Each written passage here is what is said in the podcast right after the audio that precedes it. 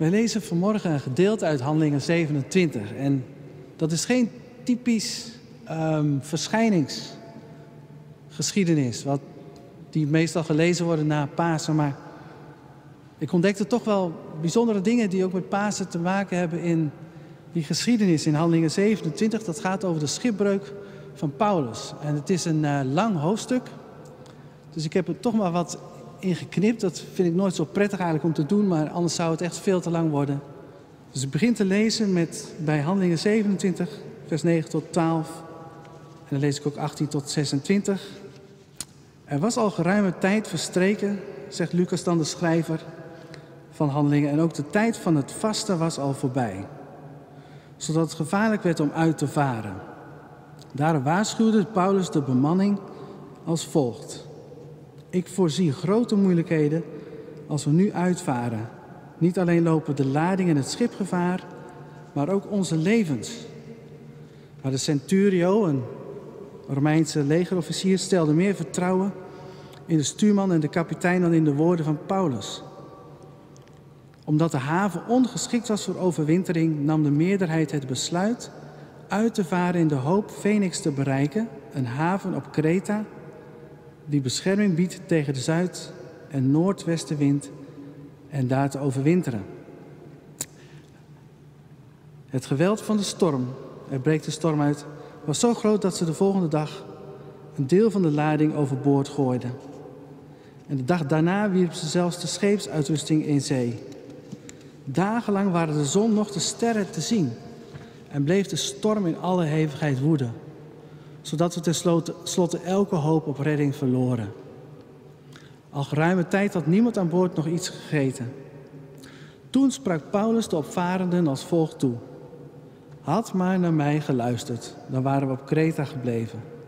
Dan waren ons deze moeilijkheden bespaard gebleven en was er niets verloren gegaan. Maar toch roep ik jullie op om moed te houden, want niemand van jullie zal omkomen. Alleen het schip zal verloren gaan. De afgelopen nacht werd ik namelijk bezocht door een engel van de God aan wie ik toebehoor en die ik ken, die ik dien. Hij zei: Wees niet bang, Paulus. Je moet voor de keizer verschijnen en daarom heeft God je in zijn goedheid het leven van alle opvarenden geschonken. Houd dus moed, mannen, want ik stel vertrouwen in God en verwacht dat het zo zal gaan als mij gezegd is. We zullen stranden op een of ander eiland. Toen de veertiende nacht aanbrak, waren we nog steeds op drift in de Adriatische Zee.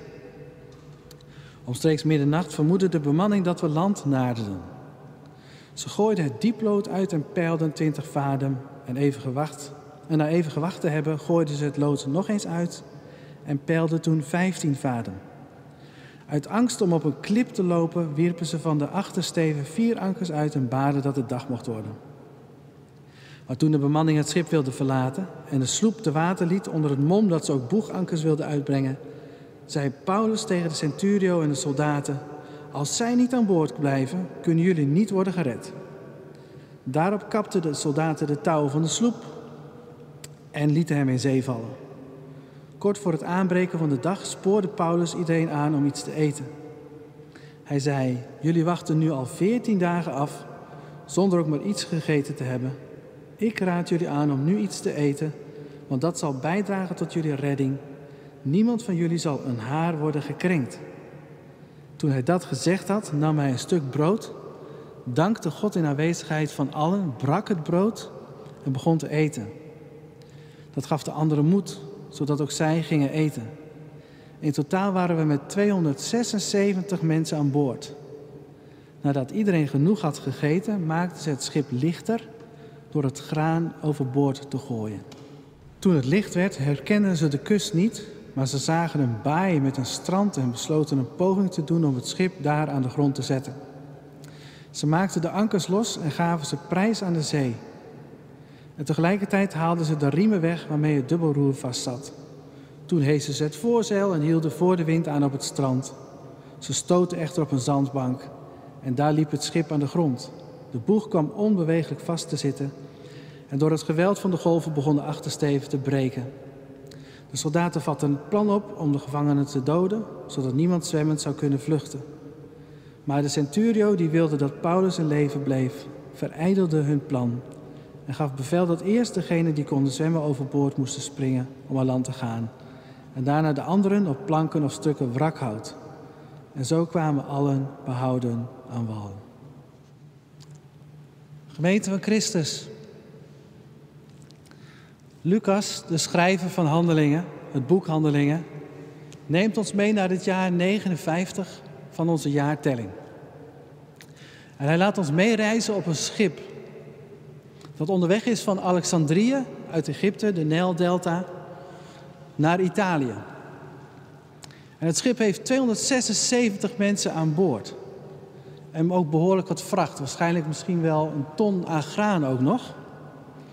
Het was een groot en trots schip voor die tijd dat behoorde tot de koningen onder de schepen. Een staaltje van techniek. In recentere tijden had er misschien wel Titanic op gestaan of Estonia. De bemanning probeert nog net voor de winter zo ver mogelijk te komen als het gaat om Rome te bereiken.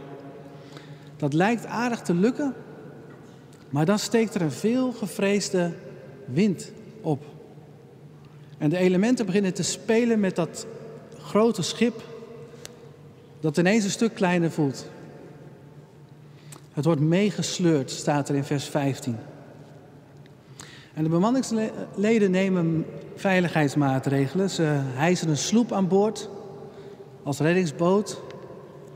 Voor al die mensen die daar zijn, zeggen ze. Later blijkt dat het wel wat anders is, daar gaan ze er zelf mee vandoor. Ook verstevigen ze de steven van het schip. En dat had eigenlijk in de haven al moeten gebeuren. Dat is nu een beetje laat. Maar ja, toen hadden ze haast. Ze moesten vertrekken. En ook toen waren de marges blijkbaar al niet zo heel groot. Er moest ook gewoon geld verdiend worden.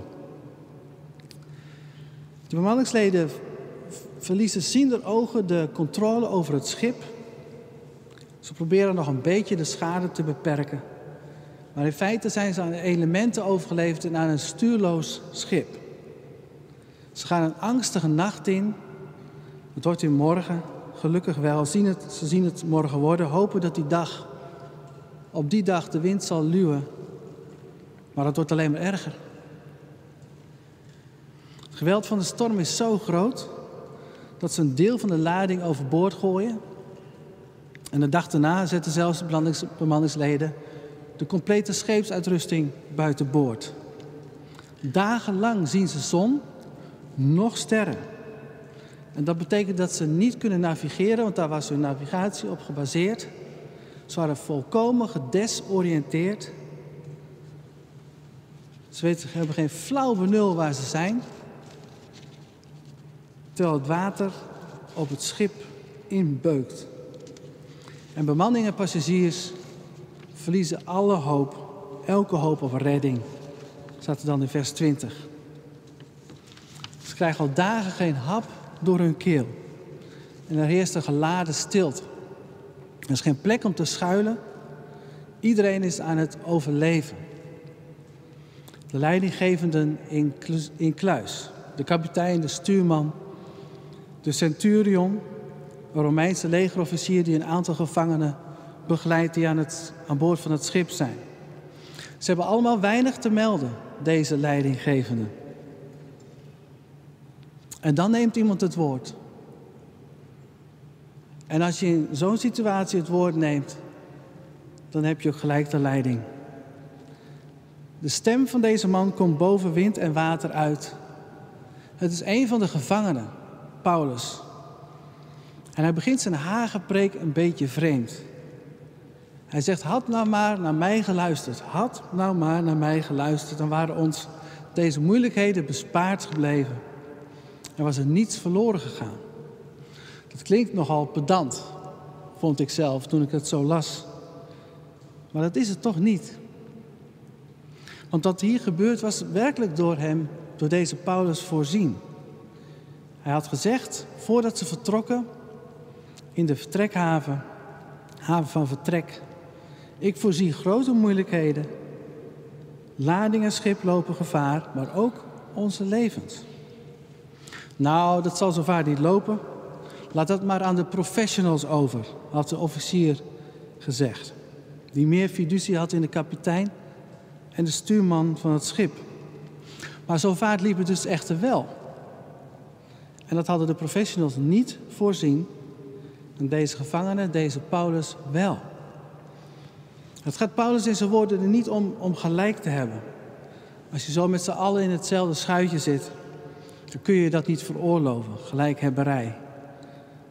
Maar in zijn schijnbare pedante woorden ligt eigenlijk wel hoop verborgen. Want als deze, als deze woorden waar zijn, dan is het de moeite waard om te luisteren naar de volgende woorden die hij gaat spreken, die hij gaat zeggen. En hij heeft nogal wat te vertellen.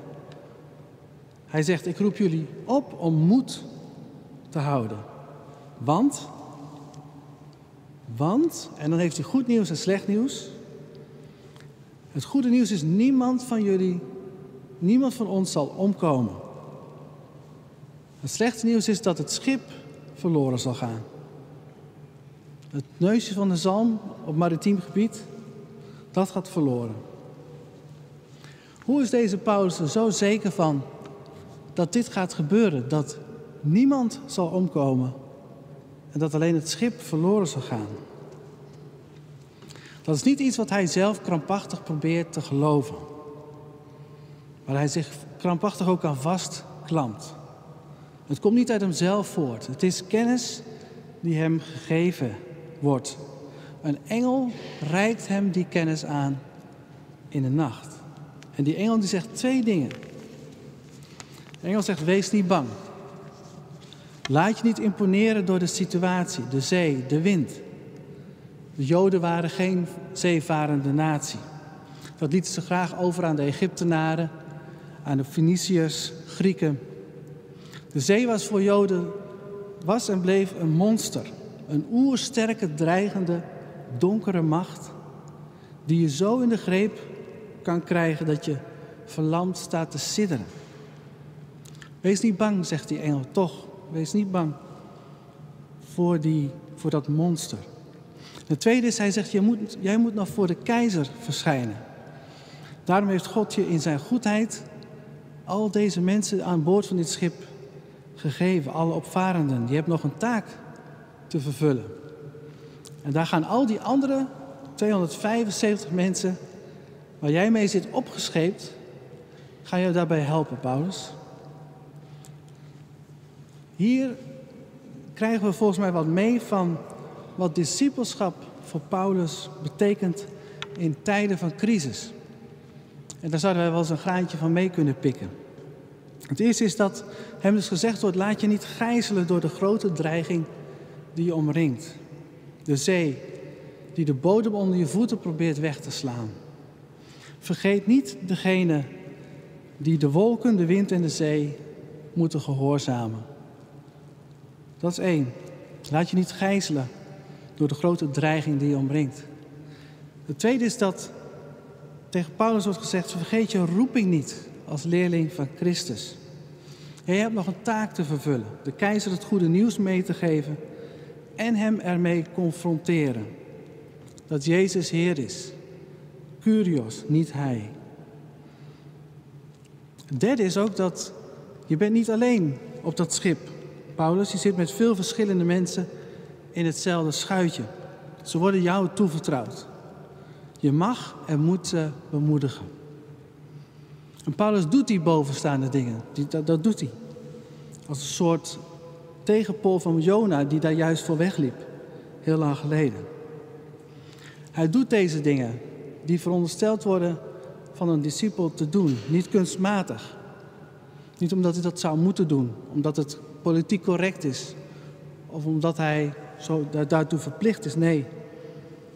Hij doet dat vanuit wie hij is. Vanuit van wie hij is. Hij heeft het over de God aan wie ik toebehoor. Letterlijk staat er de God van wie ik ben en die ik dien. Midden in die ontzagwekkende, angstaanjagende storm weet hij van wie hij is. Want deze man mag dan misschien van buiten een gevangene zijn, maar van binnen is hij vrij. Van buiten is hij een gevangene van de keizer, maar van binnen is hij van Christus. En waar Christus is, daar is vrijheid. De God van wie ik ben. Het kan denk ik geen kwaad, ook voor ons, om eens na te gaan of je hetzelfde kunt zeggen als Paulus. Hij vaart er innerlijk wel bij dat hij weet van wie hij is. Hij weet wie de bodem is onder zijn leven.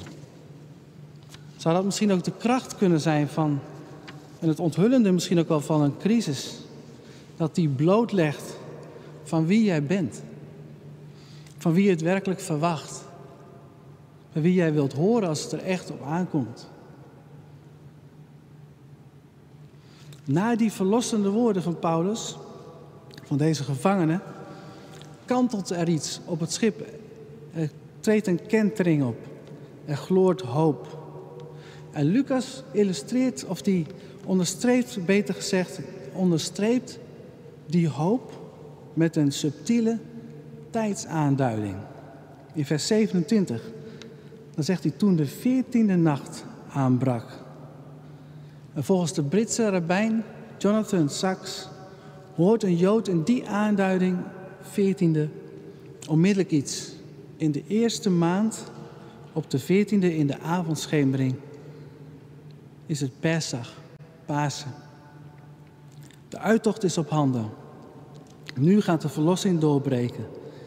In die nacht, net tegen de morgen aan, probeert de gehele bemanning nog het schip te ontvluchten. De professionals gaan er vandoor, geven het schip en de medische passagiers op. Maar Paulus roept ze allemaal terug, via de soldaten die de centurion bij zich had. Hij heeft ze allereerst gewoon nodig om, hij heeft de skills nodig om in, in Rome te kunnen komen. Dus het is pure noodzaak. Maar hij roept ze ook aan tafel. Hij roept ze om te eten. En dan doet hij weer iets moois. Daar zitten ze dan aan een maaltijd met 276 passagiers. Er mist niemand aan die maaltijd. Het hele schip doet mee.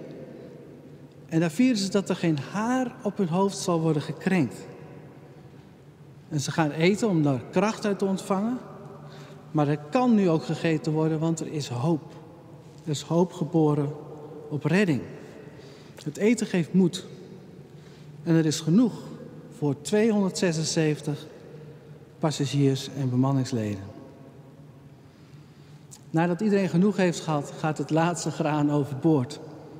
Dat maakt het schip lichter natuurlijk, maar daar spreekt ook overgave uit. De verwachting dat er binnen afzienbare tijd redding komt. En dat blijkt ook zo te zijn. Um, het, er, komt land in zicht. Het, het, het, schip loopt aan de grond bij een ondiepe baai. Het gaat inderdaad verloren, maar alle zielen aan boord bereiken zwemmend of drijvend het, het land, het strand. Door het water heen staan ze op in een nieuw gebied, nieuw land. En het schip ligt daar als een soort lege huls vergane menselijke glorie. En zo komt het evangelie weer een stapje dichter bij Europa. De verbreiding van het evangelie over de wereld tot de einde der aarde is een messy process, zei een bekende zendingswetenschapper een keer. Iemand die veel verstand had van missionair werk. Die verspreiding van het evangelie hangt vaak aan een zijden draadje. Scheert langs de afgrond. Langs volkomen onlogische wegen. Dat geldt voor landen. Toen ik hier in Utrecht studeerde, een heel aantal jaren geleden, moest ik dikke boeken lezen van professor Jongeneel, die ons vertelde hoe het evangelie in elk land kwam. En niet zo lang geleden heb ik nog weer eens goed bekeken waar nou precies het evangelie uh, door werd gebracht in het gebied waar wij nu wonen, in Groningen, of wie dat deed. Dat was Liutger, de apostel van de Groningers wordt hij wel genoemd. Maar ook de apostel van de Veluwe, waar ik zelf vandaan kom.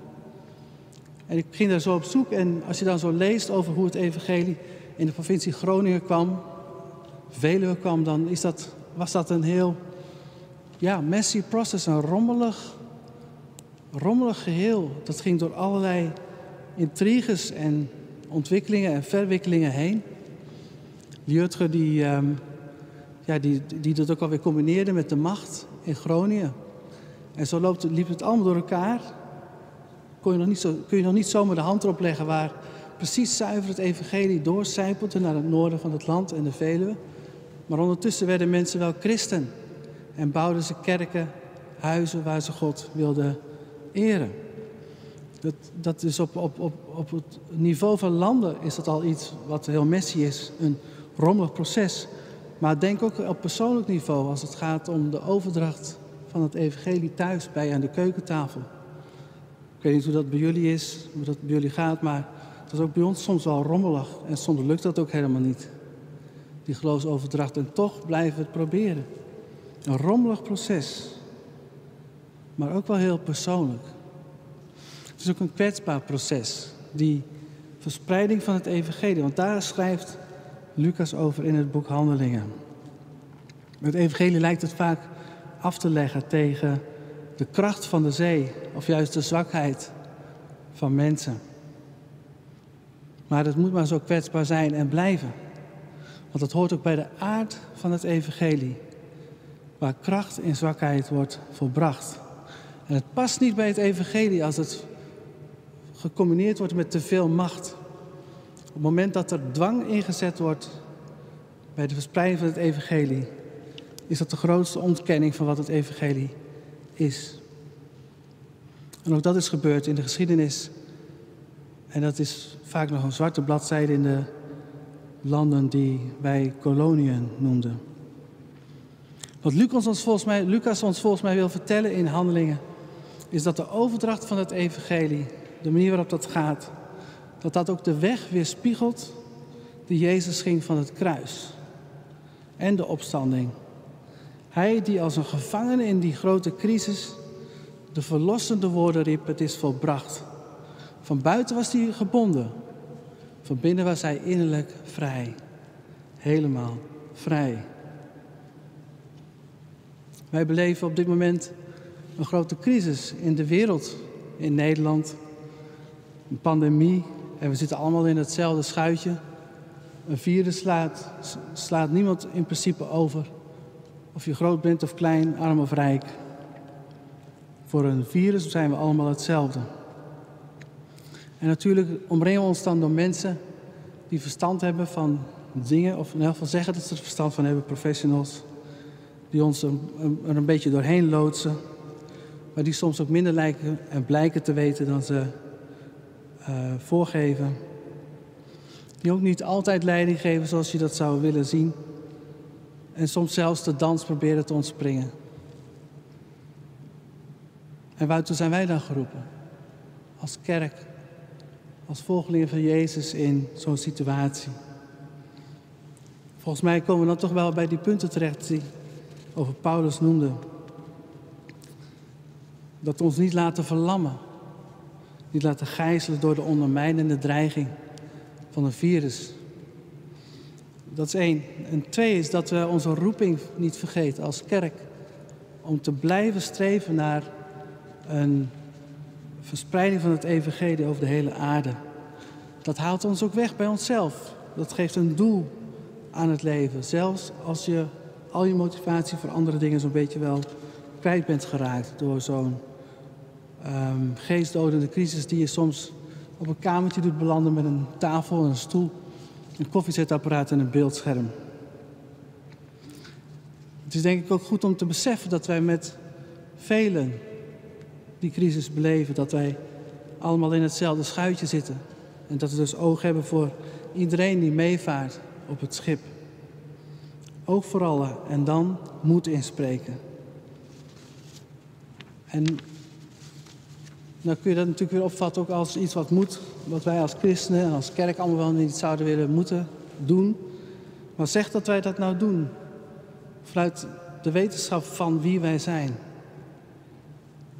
Van wie wij zijn. Van die God die er alles voor over had om met ons het heden en de toekomst tot een eeuwigheid door te brengen.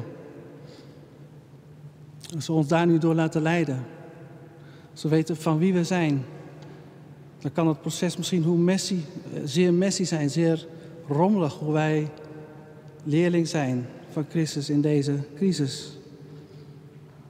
Maar dan kan er toch wel wat, denk ik, van ons uitgaan. En valt er een hoop te bemoedigen. Als we maar weten volgens mij van wie wij zijn.